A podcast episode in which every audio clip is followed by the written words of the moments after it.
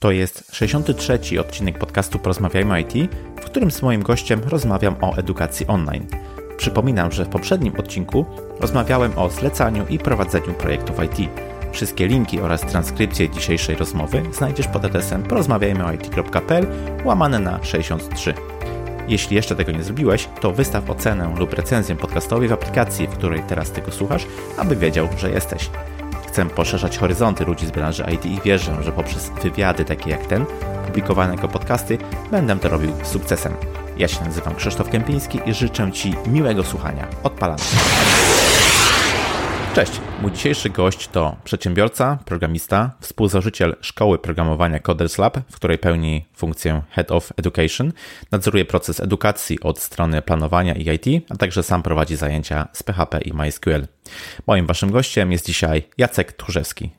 Cześć Jacku, bardzo miło mi gościć Ciebie w podcaście. Cześć, bardzo miło tutaj z Tobą być. Super, a z Jackiem e, porozmawiamy sobie o edukacji online, o podstawowych pojęciach, które właśnie są związane z edukacją online, a także z tym, co nam, ludziom z IT, taka edukacja może dać. Ja zawsze rozpoczynam podcast od pytania, czy słuchasz e, podcastów i jeśli tak, to jakich najczęściej? Wiesz co, do tej pory rzadko mi się zdarzało słuchać podcastów, dlatego że za bardzo na to, szczerze mówiąc, czasu nie miałem.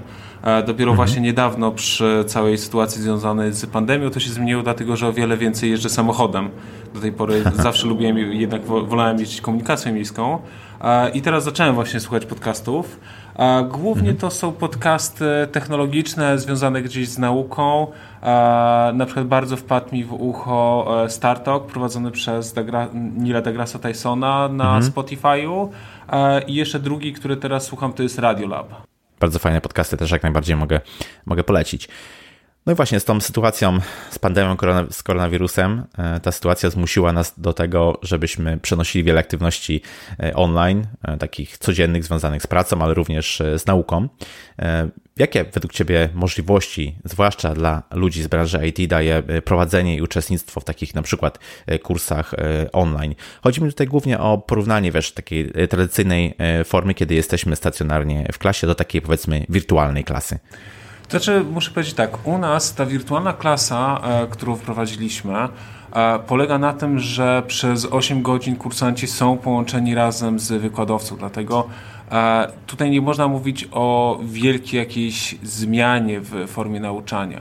To jest po prostu mhm. przeniesienie wszystkich dobrych praktyk, jakie my wytworzyliśmy, jakie mamy stworzone podczas lat prowadzenia zajęć na sali, po prostu do wideokonferencji. E, tutaj na pewno dużym plusem jest to, że kursanci e, od początku uczą się pracy właśnie zdalnej, co jest bardzo przydatne i według mnie będzie bardzo przydatne w przyszłych latach, szczególnie, że podejrzewa się, że duża część jednak pracy programisty zostanie przerzucona na pracę zdalną. Jak gdyby firmy to, co często się mówiło, że się nie da pewnych projektów prowadzić zdalnie, że jest to za trudne. Mhm. No, ostatnie tygodnie nam pokazało, że wszystkie projekty da się prowadzić zdalnie. No tak. To wychodzi, to działa e, i bardzo dużo firm. E, ja na przykład pracowałem swojego czasu, współpracowałem z TomTomem, gdzie oni wymagali, żebyśmy przez tydzień w miesiącu jechali do Holandii, do siedziby głównej, żeby utrzymywać mhm. tą współpracę na wysokim poziomie. E, teraz się okazuje, że bardzo dużo takich wyjazdów nie będzie potrzebnych, że bardzo duża tej pracy programisty stanie się całkowicie zdalna i właśnie ta wirtualna klasa bardzo dobrze według mnie do tego przygotowuje kursantów, e, którzy zaczną już pracę e, i zaczną swoją karierę w IT w nowej rzeczywistości, w tej właśnie rzeczywistości prawie całkowicie mhm. zdalnej. Jasne. No taką niebywałą zaletą edukacji online jest to, że można uczyć się w sposób asynchroniczny. E, czy udział w wirtualnej klasie jak gdyby niweluje właśnie nam tą asynchroniczność, bo musimy powiedzmy być dostępni o pewnej określonej godzinie, w której odbywają się zajęcia, czy też tutaj no, nie ma to za bardzo znaczenia? To czy tutaj e, wchodzimy na temat tego, że mamy różne sposoby nauki zdalnej, nauki online. E, ja tutaj mhm. tak osobiście e, mam trzy grupy kursów online, które ja sobie tak pogrupowałem po prostu wszystko. Pierwszy e, typ to są kursy całkowicie zdalne. To są kursy typu Udemy, kursy, które kupujemy za 40-50 zł. To są tylko i wyłącznie materiały, które dostajemy, filmy nagrane przez wykładowcę jakiegoś, materiały do przeczytania e, i to są całkowicie, tak jak to nazwałeś, asynchroniczne, czyli możemy do tego usiąść do, do, w dowolnej godzinie, kiedy chcemy. Ta nauka jednak ma bardzo dużo wad. E, główną wadą jest to, że nie mamy żadnego rygoru. Taka nauka jest bardzo fajna, jeżeli chcemy doszkolić z jakichś rzeczy w bardzo taki e, wolny sposób, czyli nie potrzebujemy bardzo szybko tej wiedzy. Ja sam muszę przyznać, że mam chyba z 10 kursów na Udemy teraz kupionych. O, każdy ma, tak. Tak, rozpoczęte po 10-15%, potem zawsze przychodzi coś ważniejszego i, i ta nauka na Udemy zawsze odchodzi gdzieś na bok i do niej nie wraca. To jest właśnie duży problem, dlatego że bez rygoru e, bardzo dużo osób nie jest w stanie dokończyć takiego kursu albo wyciągnąć z niego informacji. Dodatkowo, jeżeli się zablokujemy przy takiej nauce w jakimkolwiek momencie, nie zrozumiemy chociaż jednej części, która jest potrzebna dalej, a pewnie jak sam, jeżeli programujesz, to wiesz, że bardzo często w programowaniu ta wiedza szybko nawarstwia się na siebie. Jeżeli nie zrozumiemy mhm. dobrze pętli, to nie będziemy mogli rozumieć dalej tego, co się dzieje w, e, w programie. E, jeżeli zablokujemy się na takim kursie online, to de facto nie ma nam kto pomóc. My zostajemy sami mhm. z tym problemem, e, nie ma osoby, która może nam nic wytłumaczyć. Drugi sposób nauki online to jest właśnie takie kursy wspomagane przez mentora, czyli mamy wszystkie materiały przygotowane w formie filmów, czegoś do przeczytania i raz na tydzień mamy e, spotkanie z mentorem. Tutaj problemem jest to, że e, przez ten tydzień właśnie możemy się zablokować i musimy czekać długą ilość czasu na to, żeby spotkać się z kimś na żywo, że który nam to pomoże wyjaśnić. E, druga mhm. rzecz, która według mnie tutaj jest bardzo, bardzo problematyczna, to jest to, że przez tydzień my możemy sobie już e, wyrobić złe nawyki na przykład nie przeczytamy mhm. czegoś do końca, jak powinniśmy poprawnie kod formatować, jak robić e, poprawnie pewnie rzeczy. Te rzeczy oczywiście będą działać, ale nie będą na takim dobrym jakościowo e, poziomie. I przez tydzień, mhm. zanim ktoś nas wyprowadzi z tego błędu, my ten błąd bardzo mocno sobie powilimy i bardzo mocno sobie go utrwalimy. Co szczególnie w samych początkach nauki e, jest bardzo problematyczne, dlatego że te takie początkowe, utrwalone błędy bardzo będą nam przeszkadzać w dalszej części naszej, mhm. Naszej kariery. I trzecim e, właśnie formą nauki, to co my robimy, to jest nauka, gdzie e, tą asynchroniczność, tą dowolność czasu my trochę poświęcamy na rzecz jakości i tempa nauki. Czyli u nas w mhm. wirtualnej klasie każdy kursant musi e, być o tej samej godzinie. Musi być o 9 rano wdzwoniony w Zooma, z którego my korzystamy i pojawić się po prostu osobiście, być przy komputerze. Nie może opuścić mhm. sali, ale dzięki temu, jeżeli kursant, wykładowca też oczywiście wtedy jest, prowadzi. Jeżeli kursant nie rozumie czegokolwiek podczas części wykładowej, od razu może podnieść rękę, zadać pytanie, wykładowca mu to od razu wytłumaczy na dobrą sprawę. E, po drugie, e, podczas rozwiązywania ćwiczeń wykładowcy cały czas przyglądają się e, patrzą w kod, który piszą kursanci, przez co na bieżąco mogą poprawiać e, błędy, poprawiać złe nawyki, e, poprawiać rzeczy, które piszą kursant, wskazywać mu lepszą drogę. I najważniejsze jest to, że kur, jeżeli kursant jakikolwiek się zablokuje, to ma żywą osobę, mhm. z którą może na temat tego porozmawiać. Jeżeli nie trafia do niego jedno wytłumaczenie tematu, no to zawsze wykładowca siedzący po drugiej stronie w ciągu minuty, dwóch przyjdzie z innym przykładem, z innym pomysłem, jak mhm. to wytłumaczyć. Więc tutaj mamy bardzo dużą interakcję i mamy też bardzo mocno nałożone ramy czasowe, w których my musimy pracować, przez co ta nauka nam się nie rozwleka i e, ta nauka po prostu dzięki temu jest efektywna. Tutaj nie istnieje złoty środek trochę, bo albo mamy mhm. asynchroniczną tą naukę, gdzie możemy robić to kiedy chcemy, ale ta nauka będzie gorsza jakościowo i będzie mniej e, wydajna do dobrą sprawę, albo na rzecz właśnie jakości i na rzecz wydajności musimy poświęcić e, tą dowolność czasu. Mhm.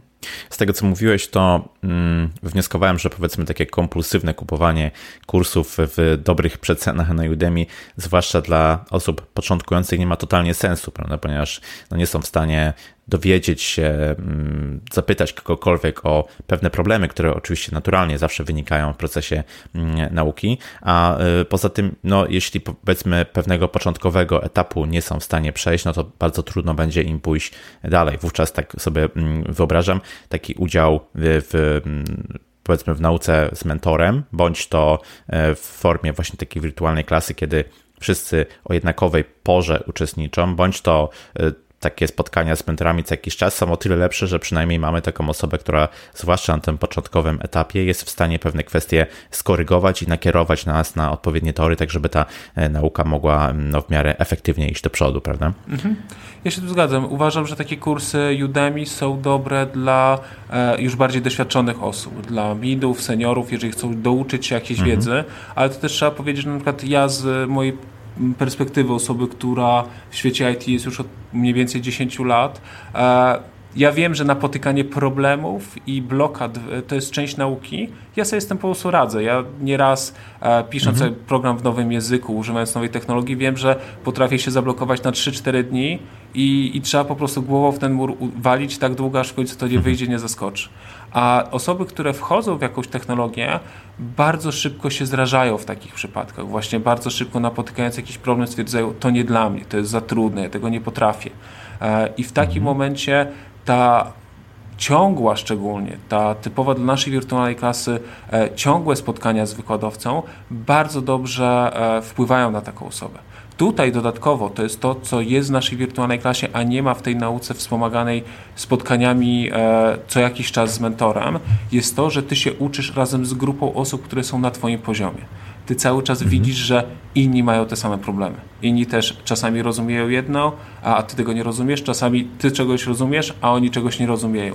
Widać, że po prostu mhm. wszyscy idziecie mniej więcej tym samym e, tempem, więc masz też taką motywację grupy za tym idącą, która też na początkowych etapach nauki jest bardzo według mnie ważna. Jasne. Rozmawiamy sobie tutaj o edukacji e, online jako w pewnym stopniu czymś takim, co stoi w opozycji do nauki takiej w pełni e, stacjonarnej, ale de facto te dwa światy w pewien sposób się przenikają i w pewien sposób no, łączą w postaci blended learningu. Prawda? Powiedz proszę, czym charakteryzuje się to podejście i jak, no, w jaki sposób w ogóle można połączyć naukę w takiej wirtualnej mm, klasie z nauką w tradycyjnej? Mm, blended learning jest ogólnie bardzo ciekawym podejściem, dosyć e, nowym, które bardzo często jest łączone też z tak zwaną odwróconą klasą. Czyli taką teorię, mhm. ja bardzo lubię tę teorię w nauczaniu. E, teoria, która pokazuje, że możemy podzielić naukę na dwie części. E, możemy podzielić naukę na część pasywną, czyli moment, w którym e, kursant przyjmuje jakąś część wiedzy teoretyczną, oglądając film, słuchając wykładowcy, czytając artykuł i część aktywną, czyli część, w której kursant rozwiązuje zadania i potrzebuje aktywnie wykorzystuje swoją wiedzę. My w Coders Labie mhm. właśnie w tym momencie jesteśmy w wprowadzaniu, e, w czasie wprowadzania takiego, e, tej odwróconej klasy, właśnie bardzo mocno wspomaganej e, blended learningiem do naszych kursów, gdzie bardzo chcemy, żeby duża część teoretyczna była zadawana jako praca domowa dla kursanta. Czyli przeczytaj artykuł, mhm. rozwiąż quiz, obejrz ten, obe, przejrzyj ten film, przeczytaj jakąś e, dodatkową wiedzę, e, dlatego że to jest coś, przy czym kursant nie jest w stanie się zablokować. A jak gdyby, jeżeli mhm. jest chęć, no to film zawsze się obejrzy, quiz zawsze się rozwiąże. Tutaj nie mhm. ma po prostu możliwości zablokowania się. A to, co, jest, co buduje największą frustrację u kursantów, czyli właśnie to blokowanie się przy rozwiązywaniu ćwiczeń, chcemy przerzucić całkowicie na czas spędzany z wykładowcą na sali, czy to rzeczywistej, czy to wirtualnej, gdzie ten wykładowca może od razu Ci pomóc i rozwiać te wszystkie problemy e, i też wytłumaczyć te rzeczy, które przeczytałeś wczoraj, a których ewentualnie nie zrozumiałeś. E, mhm. Dlatego ja uważam, że przyszłość nauczania w ogóle idzie w stronę blended learningu. W, idzie w stronę mieszania części materiałów do zrobienia samodzielnej, do przyswojenia samodzielnego, ale też dużej części interakcji z wykładowcą albo z resztą grupy. Okej, okay. no ciekawy trend. Mm, zwłaszcza w IT powiedzmy mamy do czynienia z szeroką gamą, szerokim wachlarzem kursów, e, szkoleń online, które zostały zaprojektowane z myślą o takim właśnie medium e, internetowym, powiedzmy, zostały specjalnie przygotowane do tego, do tego medium. Ale no ostatnio z racji na sytuację, w której żyjemy, mamy do czynienia z bądź mm, mniej lub bardziej szybszym przenoszeniem kursów e, takich stacjonarnych właśnie na wersje mm, online'owe.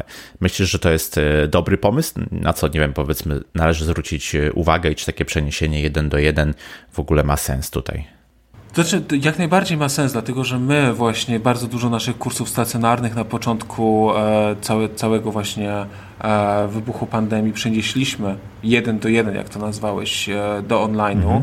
E, przy czym tutaj trzeba powiedzieć, że ta nauka online, a stacjonarne to jest bardzo, bardzo rozmyta granica. Dlatego, że kiedy nauka jest online, kiedy jest stacjonarna. W momencie, kiedy mamy wykładowcę na sali, który siedzi obok ciebie, no to mówimy, że to jest nauka stacjonarna. Ale z drugiej strony mhm. my już od lat wszystkie nasze materiały e, dajemy kursantom w formie online'owej. Czy prezentacje, czy artykuły, czy quizy, czy zadania do zrobienia. One są osadzone w naszym LMS-ie, one są osadzone na platformie GitHub, gdzie kursanci to rozwiązują. E, całe sprawdzanie ćwiczeń e, jest w oparciu o pull requesty i o GitHuba, bo to jest e, jak najbardziej mi tutaj zależało na symulacji takiej rzeczywistej pracy programisty. E, no i to jak gdyby zawsze było online'owe, więc e, u nas przeniesienie się w online polegało tylko na tym, że zamiast być z wykładowcą na sali, jesteś z nim wdzwoniony przez wideokonferencję. Mhm. Więc tutaj właśnie to jest to rozmycie, że ten internet i to nauczanie online'owe już od dawna było, tylko my zrobiliśmy jeszcze mały krok do przodu, przez co przeskoczyliśmy już, że to jest całkowicie online. E, też na początku swojego pytania powiedziałeś o tych wszystkich kursach, które były stworzone do online'u. No to musimy powiedzieć, że to są zazwyczaj kursy, e, tak jak ja je opisywałem, z tej pierwszej lub drugiej grupy, czyli gdzie w większości masz materiały do samodzielnego przerobienia. Tak. Każdy działa sobie w swoim tempie i w swoim czasie się uczy. E, no i ja osobiście uważam, że po prostu tego typu kursy są mniej wydajne. One były stworzone, ale to też nie można mówić, że e, to są kursy stworzone do internetu, bo tego typu kursy istniały już ponad 100 lat temu, kiedy po prostu zamiast przez internet to się pocztą wysyłało pewne części, więc to nie jest e, żadna nowa, e, nowe odkrycie w, nau w nauczaniu, tylko że tutaj zawsze my poświęcamy tą jakość i tą prędkość tego nauczania. A czy są jakieś zastosowania, jakieś szczególne warunki, w którym taki kurs, który przechodzimy sobie powiedzmy w własnym tempie, bez interakcji z nauczycielem, może nam no nie wiem, przynieść jakieś pozytywne rezultaty. Powiedzmy, no nie wiem, robimy mm, codziennie jakąś małą lekcję w własnym tempie, w, w, albo nie wiem, kiedy wracamy do domu tramwajem i tak dalej, i tak dalej. Czy jest, jakaś, jest jakiś obszar zastosowań tego typu nauki online, tego typu kursów e, online, który po prostu się sprawdza w pewnych zastosowaniach. Oczywiście. E, tutaj zahaczamy o ideę e, mikrolearningu i też ideę, którą ja bardzo lubię i sam w swoim życiu staram się kultywować, czyli tak zwanego lifelong learning, czyli takiego mhm. codziennego uczenia się małych, małymi, drobnymi kroczkami. Tutaj taka nauka ma jak najbardziej, jak największy sens w momencie, kiedy uczymy się doszkalamy się z jakichś rzeczy, kiedy zdobywamy właśnie umiejętności w zakresie, w której już coś znamy. No tak jak mówiłem, e, ja w IT już jestem od ponad 10 lat, e, ale z drugiej strony cały czas uczę się nowych technologii, e, nowych języków, nowych frameworków, dlatego że w IT nie można przestać się uczyć. No i właśnie robię to na takiej mhm. zasadzie, jak ty opisałeś. Pół godziny wieczorem obejrzę jakiś film, przeczytam artykuł wracając tramwajem do domu, czy robiąc jakiś mini projekcik sobie po, po pół godziny siadając mhm. wieczorem. E, jednak taka nauka nie jest do końca dobra, jeżeli e, staramy się szybko nauczyć i szybko nauczyć się nowej dla siebie rzeczy. Tutaj właśnie, a trzeba powiedzieć, że Coders Lab właśnie po to został stworzony, żebyśmy, żeby kursant był w stanie szybko zmienić swoją branżę z czegokolwiek na bycie programistą. I w takim mhm. przypadku przez po prostu samą ilość czasu i rozdrobnienie tego materiału, który przyjmujemy, e, taka nauka małymi kroczkami jest po prostu nieefektywna, bo, bo trwa za długo i to jest jej e, mhm. problem. Dodatkowo tutaj, no tak jak mówiłem, ona jest dobra w przypadkach, w których już mamy jakiś background i chcemy tylko douczyć się czegoś, a nie w momencie, kiedy zaczynamy uczyć się całkowicie nowej rzeczy. Jak rozumiem, wówczas przydaje się właśnie ta rola e, nauczyciela, mentora, zwał jak zwał. E, czy jego zadanie, gdyby tylko ogranicza się do tego, żeby poprawiać e, nasze błędy albo mówić nam, co zrobiliśmy źle? Jakbyś mógł ogólnie w takim właśnie obszarze edukacji online zdefiniować rolę mentora czy nauczyciela? Znaczy tak, my mamy na naszych kursach dwie role, które są wzajemnie się wspierają na dobrą sprawę. Mamy rolę wykładowcy, czyli takiego nauczyciela, którego rolą mhm. jest po prostu przekazanie części wiedzy, nauczenie jakieś na przykład prowadzić zajęcia tylko i wyłącznie z SQL. No i jego rolą jest nauczenie ciebie tego SQL-a, e, wytłumaczenie jak to wszystko działa e, i przejście przez tematy, wspomaganie cię podczas ćwiczeń. E, I rola mhm. nauczyciela mniej więcej na tym się kończy. Rola mentora za to jest o wiele bardziej rozbudowaną rolą, dlatego że mentor jest taką osobą, która macie wspierać. On nie ma na dobrą sprawę być z tobą na sali i ciebie uczyć poszczególnych rzeczy.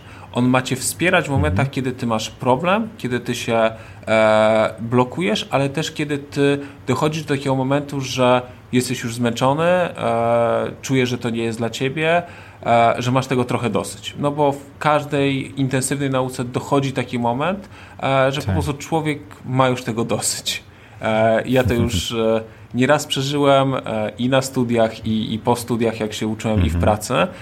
I właśnie mentor tutaj jest po to, żeby wkroczyć, żeby trochę rozładować te emocje, żeby poklepać też po, po plecach i powiedzieć, że będzie dobrze, że wszyscy mhm. przechodzą przez coś takiego i, i żeby cię wesprzeć na duchu. Dodatkowo rolą mentora jest też takie nakreślenie całej ścieżki którą ty będziesz robił, jak ty będziesz się uczył e, i mhm. pokazanie, gdzie dalej można się rozwijać. Na przykład e, nasi mentorzy na kursach Coders Labowych e, na zajęciach mamy ograniczoną ilość czasu. No i wiadomo, że nie nauczymy kursanta wszystkiego, co go da się wiedzieć w JavaScriptie, no bo ludzie tak. uczą się tego języka po 5-10 lat i nadal nie wiedzą wszystkiego. E, my uczymy tylko tej rzeczy, która jest potrzebna do rozpoczęcia pierwszej pracy, do zaczęcia pracy jako e, deweloper, a nasi mentorzy oprócz tego wskazują, wiecie co, widzę, że jesteś zainteresowany takim, takim tematem. Tutaj są rzeczy, które powinny Cię zainteresować. Tu są artykuły, które powinieneś przeczytać. Tu są książki, które mhm. dalej dadzą Ci możliwość rozwoju w e, IT w stronę, w którą Ciebie dokładnie interesuje. To jest właśnie takie osobiste podejście do tej nauki, które pomaga Ci znaleźć swój kierunek, dlatego że też no, e, kierunków rozwoju w IT są dziesiątki e, i nie każdy po naszym kursie nie, frontendowym musi, musi tworzyć strony. Mogą być to osoby, które potem mhm. pójdą w naukę Node.jsa i zaczną być backendowcami. Mogą być to bardziej osoby, które pójdą w HTML, CSS i będą tworzyć piękne, responsywne strony. A są to mogą być to mhm. osoby, które zaczną e, tworzyć strony, bardziej ich logikę, używając Reacta, e, Reduxa. Więc mamy tych ścieżek rozwoju bardzo dużo i mentor właśnie też nakierowuje kursantów, w którą oni powinni stronę iść. Powiedziałeś, że wirtualna klasa to jest coś takiego, co wymusza pewne określone godziny, tak, żeby studenci się wdzwaniali, żeby ten nauczyciel, wykładowca też się wdzwania o określonej godzinie, był dostępny. Mm, chciałbym Cię zapytać, jakie jeszcze ograniczenia, czy jakie może bardziej wymagania stawiane, stawia wirtualna klasa przed y, tymi dwiema stronami procesu edukacji i no, jakie też możliwości z drugiej strony daje, które y, nie są dostępne powiedzmy w innych y, formach nauczania właśnie. To znaczy tak, e, po pierwsze to, co nam daje e, wirtualna klasa, e, na dobrą sprawę dzięki technologii, którą używamy, my nie widzimy jakichś dużych ograniczeń i dużych minusów względem wirtualnej klasy, a normalnych zajęć, które prowadziliśmy. Tutaj na początku było bardzo dużo obaw naszych kursantów, że ta klasa będzie gorsza, że, że oni trochę stracą na tym przeniesieniu tych zajęć osobistych na, na wirtualną klasę, a z tego co rozmawiam z kursantami, co też przeglądam ankiety przez ostatnie tygodnie bardzo intensywnie, no to główne rzeczy, na jakie kursanci narzekają, to jest niemożliwość wyjścia na piwo ze swoim wykładowcą po zajęciu. No ale no niestety Jasne. tutaj e, wirtualna klasa e, to, takie ograniczenie daje i tutaj nic się z tym niestety nie da zrobić. Tak. E, z drugiej strony wszystkie ich problemy w stylu E, boję się, że wykładowca nie będzie w stanie mi pomóc na, w, w moim e, zadaniu, jak się zablokuje. No to, to rozwiązaliśmy, dlatego że używamy narzędzia, dzięki któremu wykładowca w każdej chwili może e, poprosić kursanta o oddanie kontroli nad jego komputerem i po mhm. prostu zobaczyć konfigurację, przeklikać się przez wszystko, wyedytować wręcz kod. Wykładowca może też podglądać ekran kursanta i na bieżąco nawet jak gdyby rysować na nim, czyli podkreślać pewne rzeczy, po, pokazywać, gdzie są błędy. E, baliśmy się tego, że kursanci e, nie będą, będą się trochę bać pytać o różne rzeczy, dlatego że e, w momencie, kiedy jesteś na sali, możesz podnieść rękę, wykładowca do ciebie podejdzie i możesz cicho z nim przegadać jakiś problem, żeby, dlatego że bardzo często nasi kursanci trochę boją się zapytać, bo nie chcą się ośmieszyć przed innymi osobami, że czegoś nie rozumieją. Mhm. W wirtualnej klasie jest możliwość stworzenia osobnego pokoju, gdzie na chwilę jak gdyby kursant i wykładowca przechodzą do niego, reszta grupy na przykład pracuje cały czas dalej nad swoimi zadaniami, a wykładowca wtedy z kursantem e, obgaduje jego problem, żeby też nie przeszkadzać reszcie kursantów e, jakimś gadaniem, mhm. które po prostu ich trochę nie dotyczy. E, z drugiej mhm. strony e, wiemy na pewno, że ta wirtualna klasa jest bardziej wymagająca zarówno dla naszych kursantów, jak i wykładowców. E, dla kursantów jest to po prostu taki trochę reżim e, tego, że siedzą w domu. E, no i naturalnie chcieliby się położyć na kanapie, rozłożyć na łóżku i mhm. trochę się rozkojarzyć, no bo wszyscy wiemy, że praca z domu nie jest po prostu najłatwiejsza. Ale tutaj też my wysłaliśmy informacje do naszych kursantów, jak powinny wyglądać ich prace, żeby pamiętali o tym, żeby e, właśnie oddzielić sobie tą część swoją do pracy, e, do nauki od tej części, gdzie się mieszka. To są takie ogólne, dobre zasady mhm. pracy z domu, które większość freelancerów zna i to nie jest nic nowego, odkrywczego, e, ale dla wielu osób, które u nas się uczy, były to nowe informacje.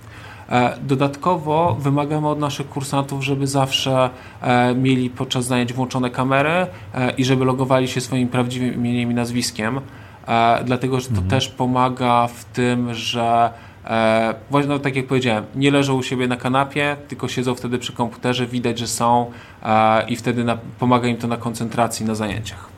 Z drugiej mhm. strony wykładowcy dają mi znać po prostu, że od nich wymaga taka klasa więcej skupienia jest to bardzo satysfakcjonujące dla nich na pewno, że to działa, e, ale mówią im, że po prostu są bardziej zmęczeni po całym takim dniu e, pracy niż byli po, po zwykłej klasie, dlatego że wymaga to od nich 100% mhm. skupienia na tym, co się dzieje e, i na, na dużej ilości osób. Tak, na, na pewno to jest też kwestia jakiegoś przyzwyczajenia się do takiej nowej formy, prawda? Jeśli wcześniej mm, jak gdyby cała nasza edukacja polegała bardziej na nauce stacjonarnej, do tego się jakoś przyzwyczailiśmy, nauczyliśmy, no to kiedy musimy nagle przerzucić się na taką wersję online, zwłaszcza w sytuacji, tak jak powiedziałeś, kiedy wcześniej na przykład nie pracowaliśmy w żaden sposób zdalnie, no to, to ten cały świat jest dla nas zupełnie nowy, sporo wyzwań i trzeba się tego po prostu nauczyć, więc, więc jakby nie, nie dziwię się, że to może być bardziej tak um, męczące dla, i dla uczestników, i dla też e, wykładowców, to, to jest oczywiste. Hmm. A chciałem Cię zapytać e, tak ogólnie, czym według Ciebie musi się charakteryzować takie dobre e, szkolenie online, żeby właśnie z jednej strony zaangażować e, uczestników, żeby chcieli gdyby pogłębiać swoją wiedzę, realizować te zadania, ale też żeby na końcu takiego szkolenia, no jak gdyby posiadali konkretne umiejętności, posiadali konkretną wiedzę, bo to jak gdyby nie chodzi tylko o to, żeby ten kurs odbębnić, prawda, tylko żeby na końcu wynieść jakąś, jakieś realne umiejętności. Wobec tego, czym taka, taka, taki kurs online, takie szkolenie on, online musi się wyróżniać, żeby właśnie taki efekt e, uzyskać? Tutaj jest kilka rzeczy. E, po pierwsze, przy takim szkoleniu online muszą być do tego właśnie dobrze przygotowani wykładowcy. E, my właśnie mhm. w momencie, kiedy przygotowywaliśmy się do tego przejścia na fully online, znaczy na te wirtualne klasy, dlatego że już od momentu, kiedy się zaczęła ta pandemia w Europie, my się zastanawialiśmy i byliśmy przekonani, że prędzej czy później to nastąpi. E, przygotowaliśmy serię szkoleń dla wszystkich naszych wykładowców e, z tego, jak korzystać z narzędzi, które będą dla nich dostępne, e, ale mhm. też jakie są dobre praktyki aktywizacji kursantów podczas e, zajęć i jakie są ogólnie dobre praktyki prowadzenia takich e, wirtualnej klasy. Tutaj muszę powiedzieć, że e, my byliśmy na tej e, szczęśliwej pozycji, że takie zajęcia w wirtualnej klasie my prowadziliśmy na kursach online'owych już od ponad roku. Więc mieliśmy też mhm. E, grono wykładowców, którzy mieli po prostu duże doświadczenie w prowadzeniu takich zajęć, którzy byli w stanie podzielić się wiedzą i stworzyć wytyczne, żeby wdrożyć szybko resztę naszych wykładowców w takie zajęcia. Mhm. Dodatkowo cały czas jak gdyby organizujemy co 2-3 tygodnie spotkania naszych wszystkich wykładowców których, na których po prostu wykładowcy dzielą się swoją wiedzą, swoimi spostrzeżeniami, dlatego że sytuacja jest bardzo dynamiczna e, i też my zdajemy sobie sprawę, że dopiero wielu z nich wypracowywuje sobie dobre pomysły i dobre sposoby pracy w wirtualnej e, klasie. Dlatego zależy nam na tym, żeby oni jak najszybciej tą wiedzą się dzielili i żeby dobre praktyki były jak najszybciej wdrażane w całej firmie. Z drugiej strony, to co jest jeszcze na pewno potrzebne, to są dobrze, dobrze że stworzone materiały i procesy, dzięki mhm. którym ten kursant pomimo tego, że usiedzi u siebie w domu, e, to wie, że co ma robić w którym momencie e, i że te materiały muszą być dla kursanta interesujące. Tutaj takim typową mhm. rzeczą, jaką się wprowadza, to jest na początku pokazanie dzisiejszego dnia nauczysz się tego, będziesz potrafił x rzeczy pod koniec, jakieś umiejętności, takie zachęcanie mhm. kursanta, co będzie potrafił po danym dniu, e, do czego mu się to przyda, żeby on z początku wiedział i rozumiał, jakie tematy dzisiaj będzie i jak to się potem ułoży w całość. E, I mhm. to nie są rzeczy, które da się szybko wdrożyć, dlatego że e, przy naszych materiałach, przy prezentacjach, artykułach, których używamy na kursie, u mnie, u nas w dziale e, edukacji pracuje e, kilka osób, których rolą jest tylko i wyłącznie dbanie o te materiały.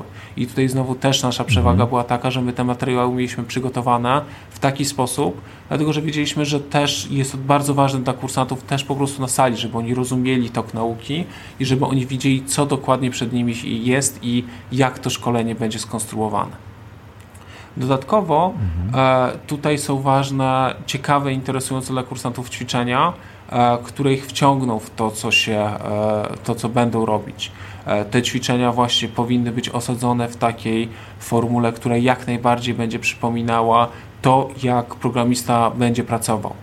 Tutaj mówię oczywiście z perspektywy szkoleń dla programistów, ale zawsze jest to mhm. dla mnie ważne, żeby osadzenie tego w, w tym środowisku, w jakim potem tą wiedzę będziemy używać. Na przykład my na naszych kursach dajemy kursantom e, licencję na kilka miesięcy, na sześć miesięcy do e, środowisk programistycznych, e, gdzie normalnie takie środowiska są płatne. My dajemy im mhm. dostęp do ćwiczeń poprzez GitHub, tak jak mówiłem, czyli platformę, która jest szeroko używana w IT do współpracy sprawdzanie jakichkolwiek egzaminów, zadań, ćwiczeń jest też przez tą platformę przeprowadzane w formie code review, czyli no w formie, z którą każdy mhm. programista e, potem będzie miał styczność. I to właśnie tak. wciągnięcie ich w ten cały ekosystem e, tutaj jest bardzo ważne, żeby oni od razu zobaczyli, jak to wygląda i to od razu mają uczucie, że my ich traktujemy poważnie, że to nie jest szkolenie przygotowane, że gdzieś tam sobie w przeglądarce kopiuję sobie kod pomiędzy okienkami i to wszystko mhm. magicznie działa, mhm. tylko że ja na początku też muszę skonfigurować swój komputer, nauczyć się narzędzi.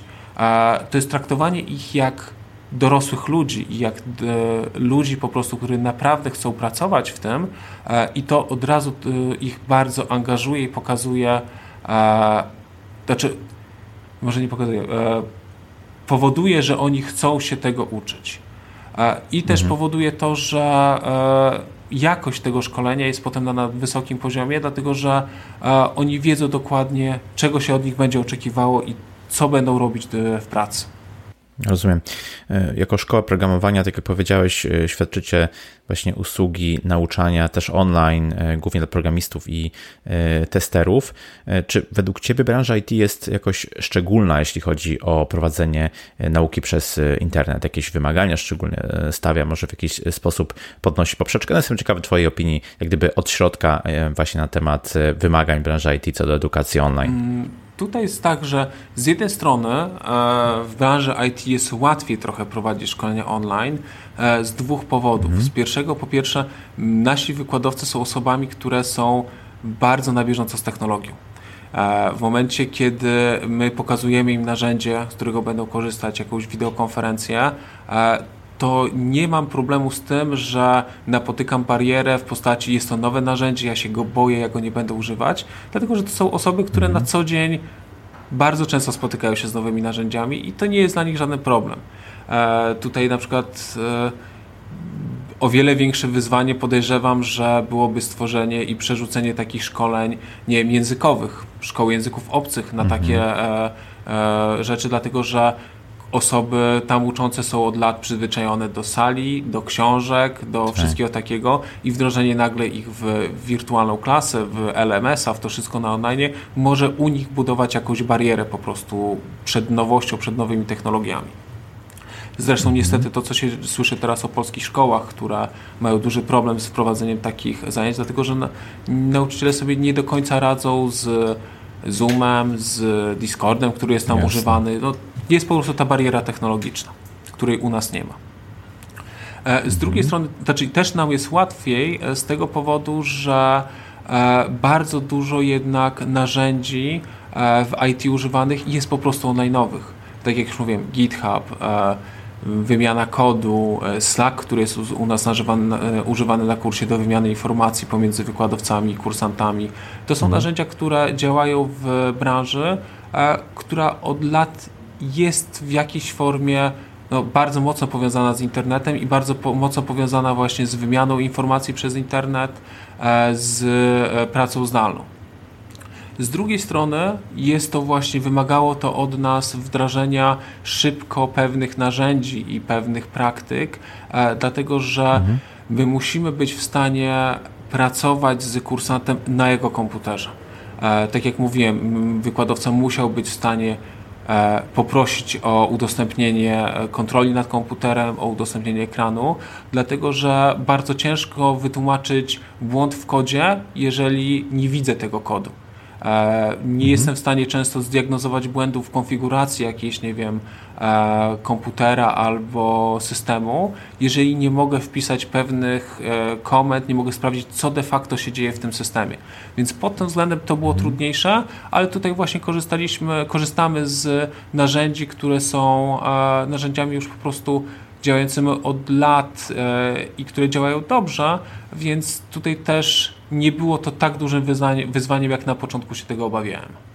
No właśnie, chciałbym chwilę jeszcze pociągnąć, kontynuować ten e, temat narzędzi, bo no, zazwyczaj jest tak, przynajmniej większość z kursów online, z którymi ja miałem do czynienia, nie, da, nie dają jakichś szczególnych obostrzeń, czy jakichś szczególnie mm, wysokich wymagań co do przejścia takiego kursu pod względem właśnie narzędziowym. Wystarczy najczęściej e, przeglądarka, e, praktycznie dowolna, nieraz towarzyszy temu jakaś grupa na Facebooku i tak de facto w tej przeglądarce zamyka się wszystko, co potrzebujemy, żeby uczestniczyć w takim kursie e, online. Ale przecież na, mm, to nie zamyka gdyby całej tej puli i wszystkich możliwości, narzędzi, z których e, możemy e, skorzystać.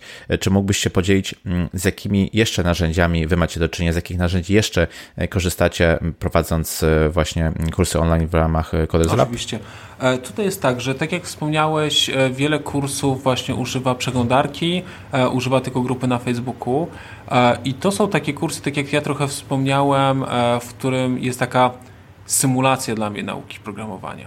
E, mhm. Dlatego, że uruchamiam przeglądarkę, otwiera mi się okienko, w którym mogę wpisać kod, kliknąć guzik, on się uruchamia i wyrzuca mi wynik, czy jest poprawnie, czy jest niepoprawnie. No, to wszystko jest jak gdyby bardzo ładne i bardzo fajnie wyglądające, ale no, praca programisty po prostu tak nie wygląda. I tutaj... Mhm My właśnie staramy się w naszej szkole uczyć tak, jak będzie to, ta praca wyglądała, przez co my dajemy nie tylko na szkoleniach online i nie tylko, to nie zostało wprowadzone przez wirtualną klasę, tylko to było u nas od zawsze jak gdyby wdrożone w e, zajęcia. Tak jak mówiłem, my dajemy profesjonalne środowisko do pracy, czyli e, środowisko firmy JetBrains, to jest na pewno dla wszystkich programistów znane, mhm. E, gdzie kursanci dostają 6-miesięczną licencję edukacyjną, gdzie mogą z tego korzystać po kursie e, i po prostu pracować na tym. My dajemy wszystkie instrukcje, jak skonfigurować komputer, żeby wszystko na nim poprawnie działało. E, może przy nauce frontendu nie jest takie ważne, ale w momencie, kiedy już uczymy się Java, no to tak. konfiguracja komputera i zrozumienie, jak się konfiguruje swój komputer, jest tutaj bardzo ważne my dajemy dodatkowo wszystkie te narzędzia potrzebne do komunikacji. E, zakładamy Slack, gdzie kursanci mają komunikację ze swoim wykładowcą e, i z resztą grupy. Mhm. E, dajemy te narzędzia do wideokonferencji, które wbrew pozorom są bardzo, bardzo ważne, szczególnie przy tej nauce online'owej. Dajemy dostęp mhm. do narzędzi do Jira przy kursach testerskich, do TestLinka. To są te narzędzia, których potem kursanci, potem absolwenci naszego kursu po prostu współpracują pracy pracują w swojej pierwszej pracy i to właśnie obycie z tymi narzędziami to jest co, coś, co jest dla nich potem bardzo ważne. Rozumiem. E, a czy e, Twoim zdaniem nauka takich właśnie umiejętności twardych, jak programowanie, testowanie, zagadnienia chmury i tak dalej w modelu online, e, czy to jest efektywne? Czy, no nie wiem, czy takie szkolenie właśnie musi charakteryzować się mm, pewnymi szczególnymi cechami, żeby na końcu te umiejętności zostały? Mimo wszystko twarde umiejętności, które no, w jakiś sposób są właśnie, tak, tak jak powiedziałeś, mierzalne, w jakiś sposób musimy w praktyce potrafić zastosować wiedzę, którą podczas takiego kursu e, posiedliśmy. Czy po prostu gdyby szkolenie online do umiejętności twardych to, to jest e, dobre narzędzie? Tak, ja uważam osobiście, że tak. E, z tego powodu, znaczy to narzędzie w momencie, kiedy jest prowadzone z wykładowcą, jest tak samo skuteczne i tak samo dobre jak nauka w sali. Mhm. I tutaj głównie to jest po prostu żeby ta wiedza została, szczególnie właśnie przy szkoleniach twardych, gdzie e, ważna jest ta wiedza e, i łatwo da się ją zweryfikować, e, głównie tutaj gra rolę ułożenie kursu, materiały do niego i taka, takie powtórzenia materiałów. I też trochę, mhm. no to może źle zabrzmi, ale zmuszanie kursantów do skakania czasami na głęboką wodę. E, my w Coderstawie mhm. mamy taką formułę, że pod koniec każdego tygodnia zajęć jest jeden dzień, gdzie kursanci piszą projekt przygotowany przez nas, e, pocięty na małe zadania, żeby kursanci też się nie pogubili w tym, ale zmuszający do użycia wiedzy z całego tygodnia e, zajęć, które były. Pokazujący, jak cała ta wiedza składa się w całość i pokazujący, jak to wszystko ze sobą współgra. I właśnie takie momenty, takie retrospektywy trochę pokazujące, co, czego się nauczyliśmy, jak to działa, są bardzo ważne, żeby poukładać kursantom tą wiedzę e, i żeby pokazać im też, że oni to potrafią, bo to, co, z czym mhm. też często mamy problem, znaczy problem, to jest naturalne przy, przy nauce, szczególnie takich twardych rzeczy, że ludzie bardzo często mają poczucie, że oni tego nie potrafią, oni jeszcze tego nie rozumieją. E, tak. I tutaj właśnie te warsztaty mają za, y, na celu pokazać kursantom, że ty już to potrafisz, ty już to rozumiesz. Może nie jesteś jeszcze płynny, ale tą płynność nabiera się przez miesiące, jeżeli nie lata. może czasami czegoś nie wiesz, może czasami musisz coś doszukać, ale ja to znowu powiem z perspektywy osoby, która mm, jest w tym 10 lat. Ja też wyszukuję informacji, ja też nie znam systemów, mhm. które na, na 100% wszystkiego, bo tego nie da się po prostu znać. E, tak. I tutaj właśnie to ułożenie materiałów to gra główną rolę po prostu w tym, żeby szkolenie było efektywne i żeby szkolenie e, dało tą konkretną wiedzę na sam koniec. Dużo mówimy tutaj o nauce online. E, czy według Ciebie ta obecna sytuacja związana z pandemią w jakiś sposób przyspieszy, zwiększy trend zainteresowania właśnie tą formą nauki? Ja jestem przekonany, że tak, dlatego że, e, ale to nie tylko nauki online. Ogólnie według mnie cała ta sytuacja mhm. spowoduje, że rynki otworzą się i na pracę zdalną, i na naukę zdalną. Z tego powodu, że mhm. przez wiele lat właśnie to, co już o czym mówiłem, e, istniało przekonanie, nie da się po prostu. Musicie przyjechać, musimy porozmawiać twarz o twarz, bo to będzie efektywniejsze. I nagle tak nie mamy tych spotkań, nikt do siebie nie jeździ, a wszystkie firmy działają, szczególnie znaczy firmy informatyczne, no nie wszystkie firmy oczywiście. Nie wszystkie, tak. Ale firmy informatyczne działają, wszystkie spotkania się odbywają zdalnie, wszystkie projekty idą przed siebie i po prostu okazało się, że się da i to przełamie barierę mhm. psychologiczną tylko u ludzi, bo pokaże im, da się, więc jak gdyby to przekonanie zostanie nawet jeżeli e, jak cała sytuacja się skończy, e, jak będziemy mogli wrócić normalnie do pracy, to przekonanie, że da się po prostu, że nie trzeba do siebie jeździć, że nie trzeba spotykać się twarzą w twarz, można to zrobić online'owo, e, zostanie i to przyspieszy całą tą transformację w stronę właśnie pracy zdalnej i nauki zdalnej. No to pewnie będzie jedna z nielicznych takich pozytywnych rzeczy, które z całej tej sytuacji wynikną, że faktycznie zauważymy, że pewne rzeczy, które wcześniej wydawało nam się, że były niemożliwe albo bardzo trudne do przeniesienia do online'u, teraz okaże się, że są na tyle wygodne i na tyle oczywiste, że wręcz niech będzie się chciało z nich po prostu rezygnować. Jestem ciekaw, co myślisz na temat mikrolearningu, mm, na którego temat trochę wspomniałeś na początku, czyli takich e, drobnych porcjach e, materiału właśnie, e, które sobie przyswajamy w dowodnym, dogodnym czasie, w dogodnych warunkach. Czy taki rodzaj nauki ma sens w IT, czy no bardziej nadaje się do takich rzeczy jak, no nie wiem, nauka języka, dajmy na to, gdzie sobie gdzieś tam możemy słówko jedno tu, drugie tam przypomnieć, a czy, czy taki właśnie materiał w formie mm, mikro e-learningu w IT, czy to się może sprawdzić? Tak jak mówiłem, microlearning w IT jak najbardziej może się sprawdzić, ale na dalszych krokach z tego nauczania, w dalszych momentach, kiedy już mam jakąś mhm. wiedzę i tylko pogłębiam się. Ja na przykład e, uczę się całej technologii chmurowych, które de facto jak ja byłem na studiach, jak ja się uczyłem w takiej formie e, kilku godzin, kilkunastu godzin e, dziennie zajęć, no nie istniały jeszcze. A, teraz w pracy są, mhm. są potrzebne. Ja też bardzo stara, nie chcę wypaść jak gdyby z obiegu tego, co, e, co się dzieje w świecie IT, więc ja się właśnie uczę w formie mikrolearningu. Ale tak jak mówię, to jest dobre dla osób, które wiedzą, czego się chcą uczyć, mają konkretne cele e, i też y, mają już wiedzę w, w tej dziedzinie, w której się uczą. E, w mhm. przypadku do, i dodatkowo, to, to, to jest też ważne co do mikrolearningu, e, nie mają bardzo sztywnych ram czasowych, do kiedy taką wiedzę muszą zdobyć. Dlatego, że tak jak ja powiedziałem, uczę się technologii chmurowych, ale bardziej po to, żeby je znać, żeby wiedzieć o co chodzi, żeby E, nie wypaść z obiegu całego technologicznego, ale to nie jest tak, że ja potrzebuję za tydzień rozpocząć projekt, który e, korzysta z tej technologii chmurowych i za dwa tygodnie mieć już kawałki kodu oparte i wykorzystujące te chmury. E, to jest po to, że ja po prostu chcę to wiedzieć.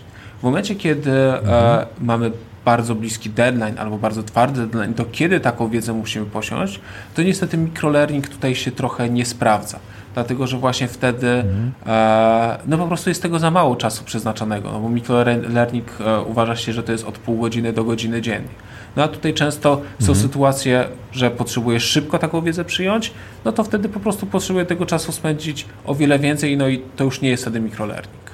A jakie trendy w edukacji online obecnie widzisz? Z czym e, powiedzmy wy się mierzycie też jak właśnie jako szkoła programowania? Z czym powiedzmy co będziemy w najbliższej przyszłości widzieć, jeżeli chodzi o edukację online? Znaczy w edukacji online według mnie takim głównym trendem, który teraz też się pojawia i który my też staramy się wprowadzić, e, to są takie kursy wieczorowe. To, to może źle zabrzmi, bo e, taka szkoła wieczorowa w Polsce ma po prostu, ta nazwa źle się nam kojarzy, tak. że, ale e, kursy takie następnego stopnia, gdyby już skończyłem bootcamp, znalazłem pracę po nim, e, jestem w tej pracy, ale bardzo często ludziom brakuje samozaparcia, żeby się szybko rozwijać, żeby szybko uczyć się nowych technologii, co w IT jest bardzo potrzebne.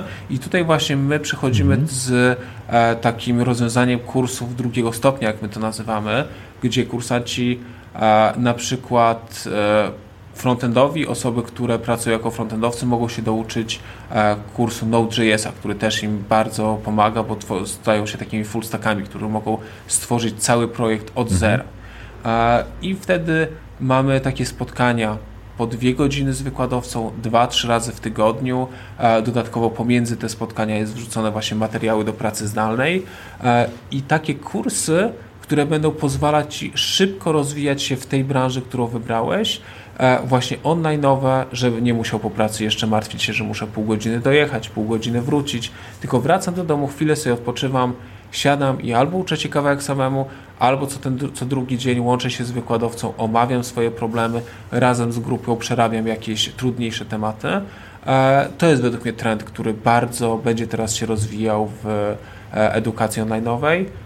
Też ten trend będzie wymuszony na, na, na nas przez bardzo szybko zmieniający się rynek pracy e, i bardzo mhm. szybko zmieniające się nasze otoczenie z powodu właśnie digitalizacji i z powodu tych wszystkich przemian cyfrowych, które w następnych latach będą następowały i tutaj też mam osobiście podejrzenie, że one nastąpią szybciej właśnie przez też sytuację z pandemią, z koronawirusem, dlatego że ta, ta, ta sytuacja mhm. przyspieszy pewne procesy e, automatyzacji, digitalizacji e, i, i zmian po prostu na rynku.